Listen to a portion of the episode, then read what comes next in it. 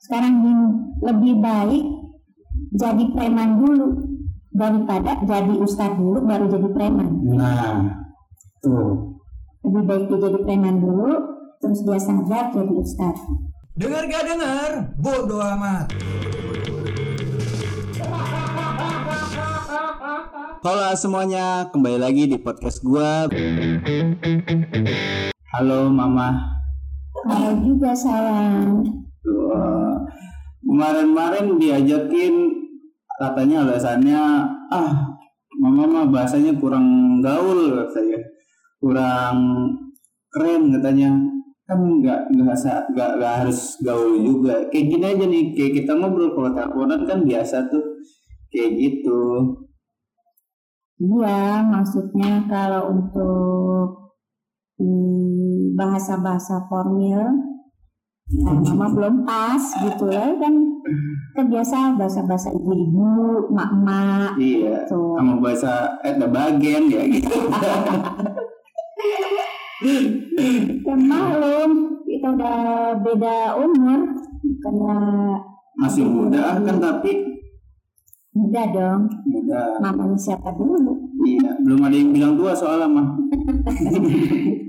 Masih terlihat muda.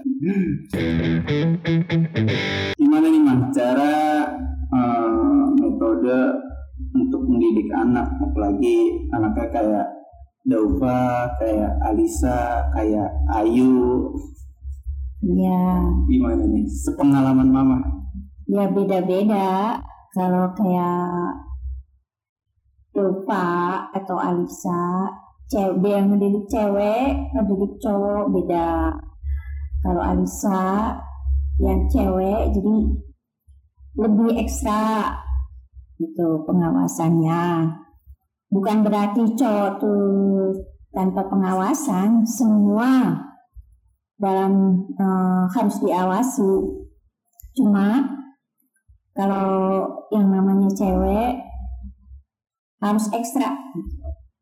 Terus ya mulai dari dia bangun tidur sampai dia mau tidur lagi tuh semuanya harus eh, ya harus ada pengawasan walaupun mama nggak bisa 24 jam paling tidak di jam-jam tertentu Jam berapa aja tuh biasanya?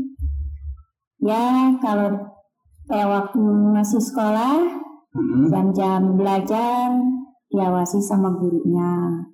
Nah So kalau sekolah dari berarti dari pagi sampai sore. ya, sampai sore. Nah udah sore ya selama di rumah yaitu pengawasan orang tua. Dan kalau si Dova nah ini yang lebih ini lagi. Sebetulnya mama sih nggak ngebatasin. Dova ini mau bergaul sama siapa? Mm-mm. selama itu Oke. nilainya positif gitu nggak nyerempet nyerempet bahaya ya monggo silakan gitu. Tapi sempat pernah mencurigai teman-teman gak sih, Bang? ya enggak dong mama kan misalnya percaya sama Hmm. Dova kalau Dova ngerasa nyaman sama si A ya tentunya mama eh, support gitu mama dukung ya itulah mama bebasin misalnya Dova punya teman preman nggak semua preman itu jelek Nah, ambil sisi baiknya dari si preman itu kan Dova udah dewasa ya betul. udah ngerti, udah bisa membedakan mana yang baik, mana yang buruk. Yang baik ya diambil, Hmm. yang buruk ya jangan diambil, jangan diikuti. Ya pastilah itu. Iya. Ah, Ayu kan jauh nih. Mm-mm. Nah itu gimana cara ngamatin kalau buat anak perempuan? Kalau Elsa kan deket nih, Mm-mm. mungkin masih bisa di sini. Sedangkan Ayu kan jauh di Cirebon tuh gimana tuh? Nah itu istilahnya kita diiringi dengan doa. Diiringi dengan doa, terus kita juga eh, berbekal berbekal kepercayaan. Dia Ayu kan di sana juga sama budenya. Hmm. ada papahnya ya kita percaya aja sama mereka-mereka yang mengawasi Ayu gitu. Sambil kita bantu di sini dengan doa itu tugas orang tua. Tapi sering video call enggak? kalau video call jarang ya. Cuman ya sekedar kontak tanya kabar sehat atau enggak ya itu alhamdulillah masih jarang atau tanpa sepengetahuan Ayu mama buka-buka IG-nya Hmm. terus Nah, Mama sebelum anak-anaknya pada dewasa kayak gini terus udah pada gede pernah mengekspektasikan gak sih kalau anaknya nanti udah pada gede bakal jadi apa? Anak yang lakinya mau jadi apa? Terus anak yang perempuan bakal menjadi apa? Kalau untuk harapan orang tua tentunya semua harapan orang tua tentunya pengen anaknya sukses sukses dalam arti kata sukses dunia akhirat Amin. Jadi bukan sukses dunia aja gitu. Kalau akhiratnya nanti eh, nggak dipikirin dari sekarang juga buat apa? Karena kita hidup itu nggak selamanya kita hidup di dunia gitu. Umur nggak ada yang tahu, umur rezeki jodoh nggak ada yang tahu. Betul. Bisa aja kita masih bisa ngobrol sekarang, besok Allah udah panggil. Nah, kalau mama sih berharapnya anak-anak mama semua jadi anak-anak yang soleh solehah Amin. gitu. Semoga ya. Semua orang tua pasti harapannya kayak gitu. Iya, tapi nggak pernah mengekspektasikan kayak waduh kalau udah gede mesti jadi tentara gitu. enggak. Kalau mama enggak gini. Sekarang mama paksa, misalnya sesuai dengan keinginan mama.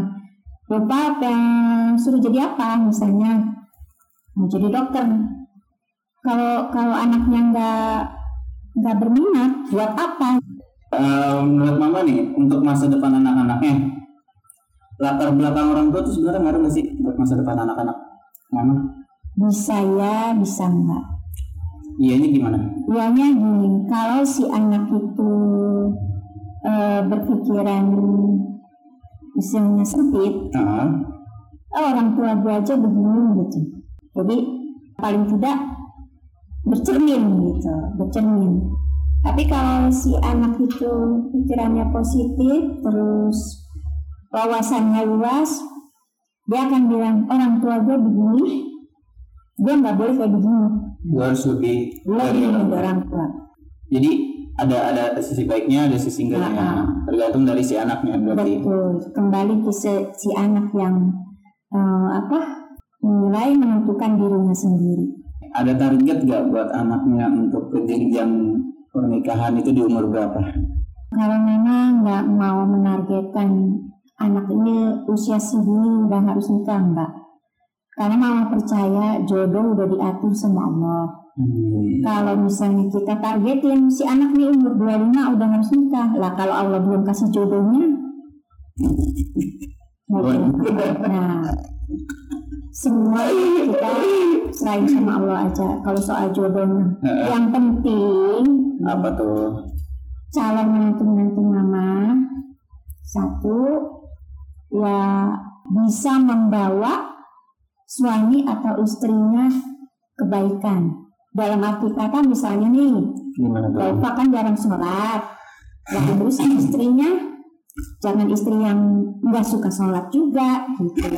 Paling tidak si istri itu mencontohkan suami Biar suami itu merasa oh istri gue sholatnya rajin Gue jadi malu nih gitu. Jangan istri eh, suaminya udah nggak sholat Istrinya ah bukan dari ya dari orang-orang yang nggak nggak nggak memperdulikan akhirat gitu Hmm. yang terlalu cinta dunia. Mungkin nggak terlalu suka ya kalau Mm-mm. nanti punya menantu yang. Terus kedua mama maunya dede tuh punya calon istri yang menutup aurat. Karena begini, anak laki-laki itu berat banget, tanggung jawabnya berat. Dia tanggung jawab sama ibu, tanggung jawab sama adik perempuan, kakak perempuan, saudara perempuan, termasuk istri. Nah kalau istri atau saudara perempuan siapa membuka aurat itu yang yang menanggung adalah anak laki-laki. Wow. Bun kita bun. Jadi satu lembar satu lembar rambut kelihatan itu dosanya seberapa.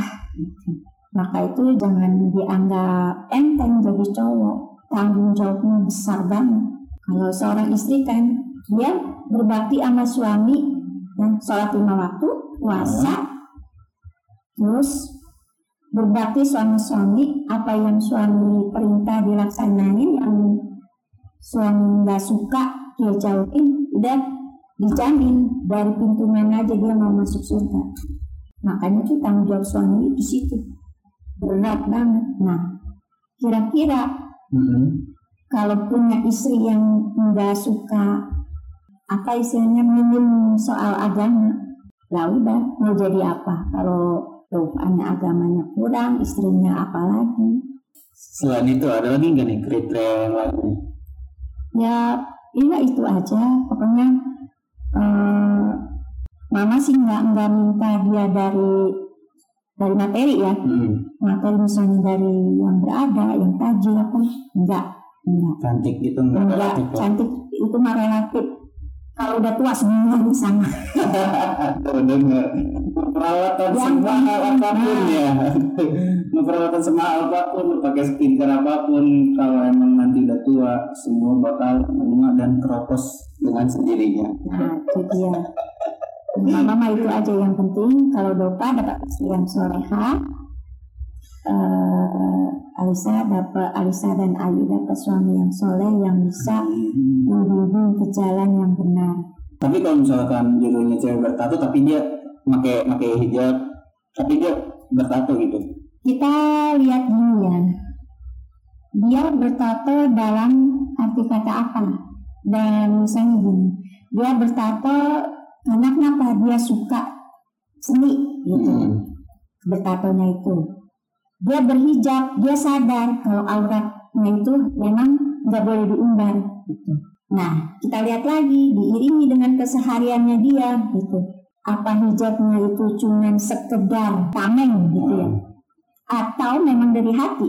Kalau misalnya cuma sekedar aja biar orang-orang nilai dia bagus alim atau apa nggak ada artinya.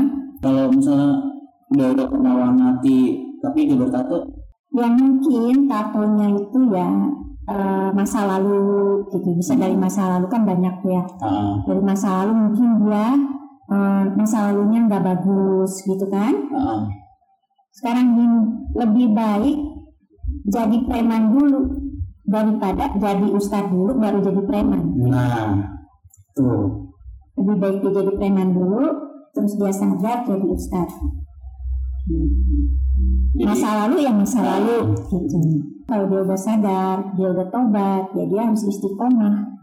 Apa pun di luar sana rayuannya bujukannya ya jangan terpengaruh.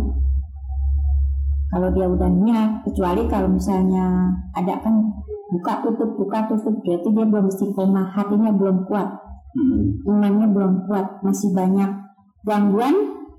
Bujukan dari sana sini tapi dia masih bisa eh, terpengaruh. Tuh silakan yang mau melamar. Gak apa-apa pede dulu.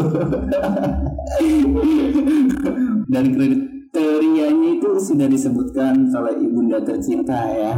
Jadi mudah-mudahan yang ngantri udah paham lah. Gue ya. Nah ini ter- terakhir nih dari dari teman-teman. Kalau sering main ke rumah nih mah banyak yang nanyain Sil itu kan di rumah lu banyak botol. Nyokap lu gak pernah nanya nanyain nanyain gak sih nyokap lu banyak botol botol minuman gitu? Terus kan mama udah pernah kan mama pernah kan ini kita klarifikasi nih biar nggak ada yang nanya lagi mama udah pernah apa bilang? Dek mama nggak mau lihat lagi botol-botol itu. Kalau memang dede nggak bisa buang nanti mama yang buang. Tapi kan bagus kan maksudnya tuh dilihat itu kayak pajangan kan? Betul bagus. Menurut dede tapi kan image orang kan gini. Nggak semua orang itu sepaham sehati sama kita. Pasti orang itu beranggapan "Oh, ini banyak botol-botol kosong yang minum siapa? Oh anak ini peminum. Gitu. Seandainya misalnya mama kayak ini rumahnya lagi rusak mama buat tukang. Orang kan nggak menilai ini cuma buat pajangan. Pasti dia nilainya ini botol-botol siapa yang minum gitu. Tuh, yang ada di rumah ini siapa? Gitu kan? Heeh. itu image-nya kembalinya ke siapa? Apa orang tua yang nggak negur, apa orang tuanya nggak ngingetin, apa orang tuanya eh, apa namanya nggak marah gitu. Nah sekarang jadi kan udah mama tegur, Ah, udah berkali-kali. A- ada ada ininya mama ya, ada batasannya nanti kalau misalnya mama udah nggak ini tanpa sepengetahuan dede nanti dua apa mama musnahin ya semua. jangan, ini bisa dijual lagi. Yang mau dijual jual aja sekarang. Ya belum dapat channelnya. Dikumpulin dulu, jangan dipajang begini. Ya ini kan dikumpulin. Maksudnya dalam satu tempat, Di satu tempat. apa di karung, apa di dus tempat yang nggak kelihatan. Kan bisa diganti dengan apa, dengan apa, Apalagi nggak ada. ada. Nah, bisa buku, bisa eh, apa namanya figura, bisa foto-foto atau apa gitu. Itu mah ini aja, alasannya aja. Buat pajangan mah banyak, mau diganti pajangan. Ya kan maksudnya ini yang apa? Itu kan itu apa tuh boneka boneka tuh itu kan juga buat pajangan. Bonekanya boleh dipajang di situ, botolnya yang harus turun. Pokoknya bon, nanti tanggal suatu saat tanpa sepengetahuan dia beneran. Nah, ntar itu kita bentuk dulu. Kayak di warung-warung bentuk bensinnya tuh. Oke, Eh, ada ada pesan-pesan nggak buat anak muda zaman sekarang? Ya, eh, pesannya ya sedikit aja buat anak-anak muda. Mm-mm, apa tuh? Ya berkreasi boleh, Eh, punya jiwa seni boleh, selama itu dalam hmm, yang baik-baik, yang bagus-bagus, yang ada manfaatnya, positifnya ambil, yang negatifnya dibuang. Bercermin dulu, eh, ibaratnya ya, bercermin dulu kalau mau melakukan sesuatu, Betul. melihat dampaknya. Oke, terima kasih banyak Mamski sudah hadir di acara anak muda yang berkreasi ya. Mudah-mudahan sih dalam jangka panjang menghasilkan. Amin. Support kan? Support banget. Support banget. Kalau udah dapat doa restu orang tua itu penting karena slogan di laptop gue tuh doa ibu nomor satu ya gak Oke mungkin cukup sekian dari gue Docil dan Mama Namanya Mama Yanti. Dengar gak dengar? Bodoh amat.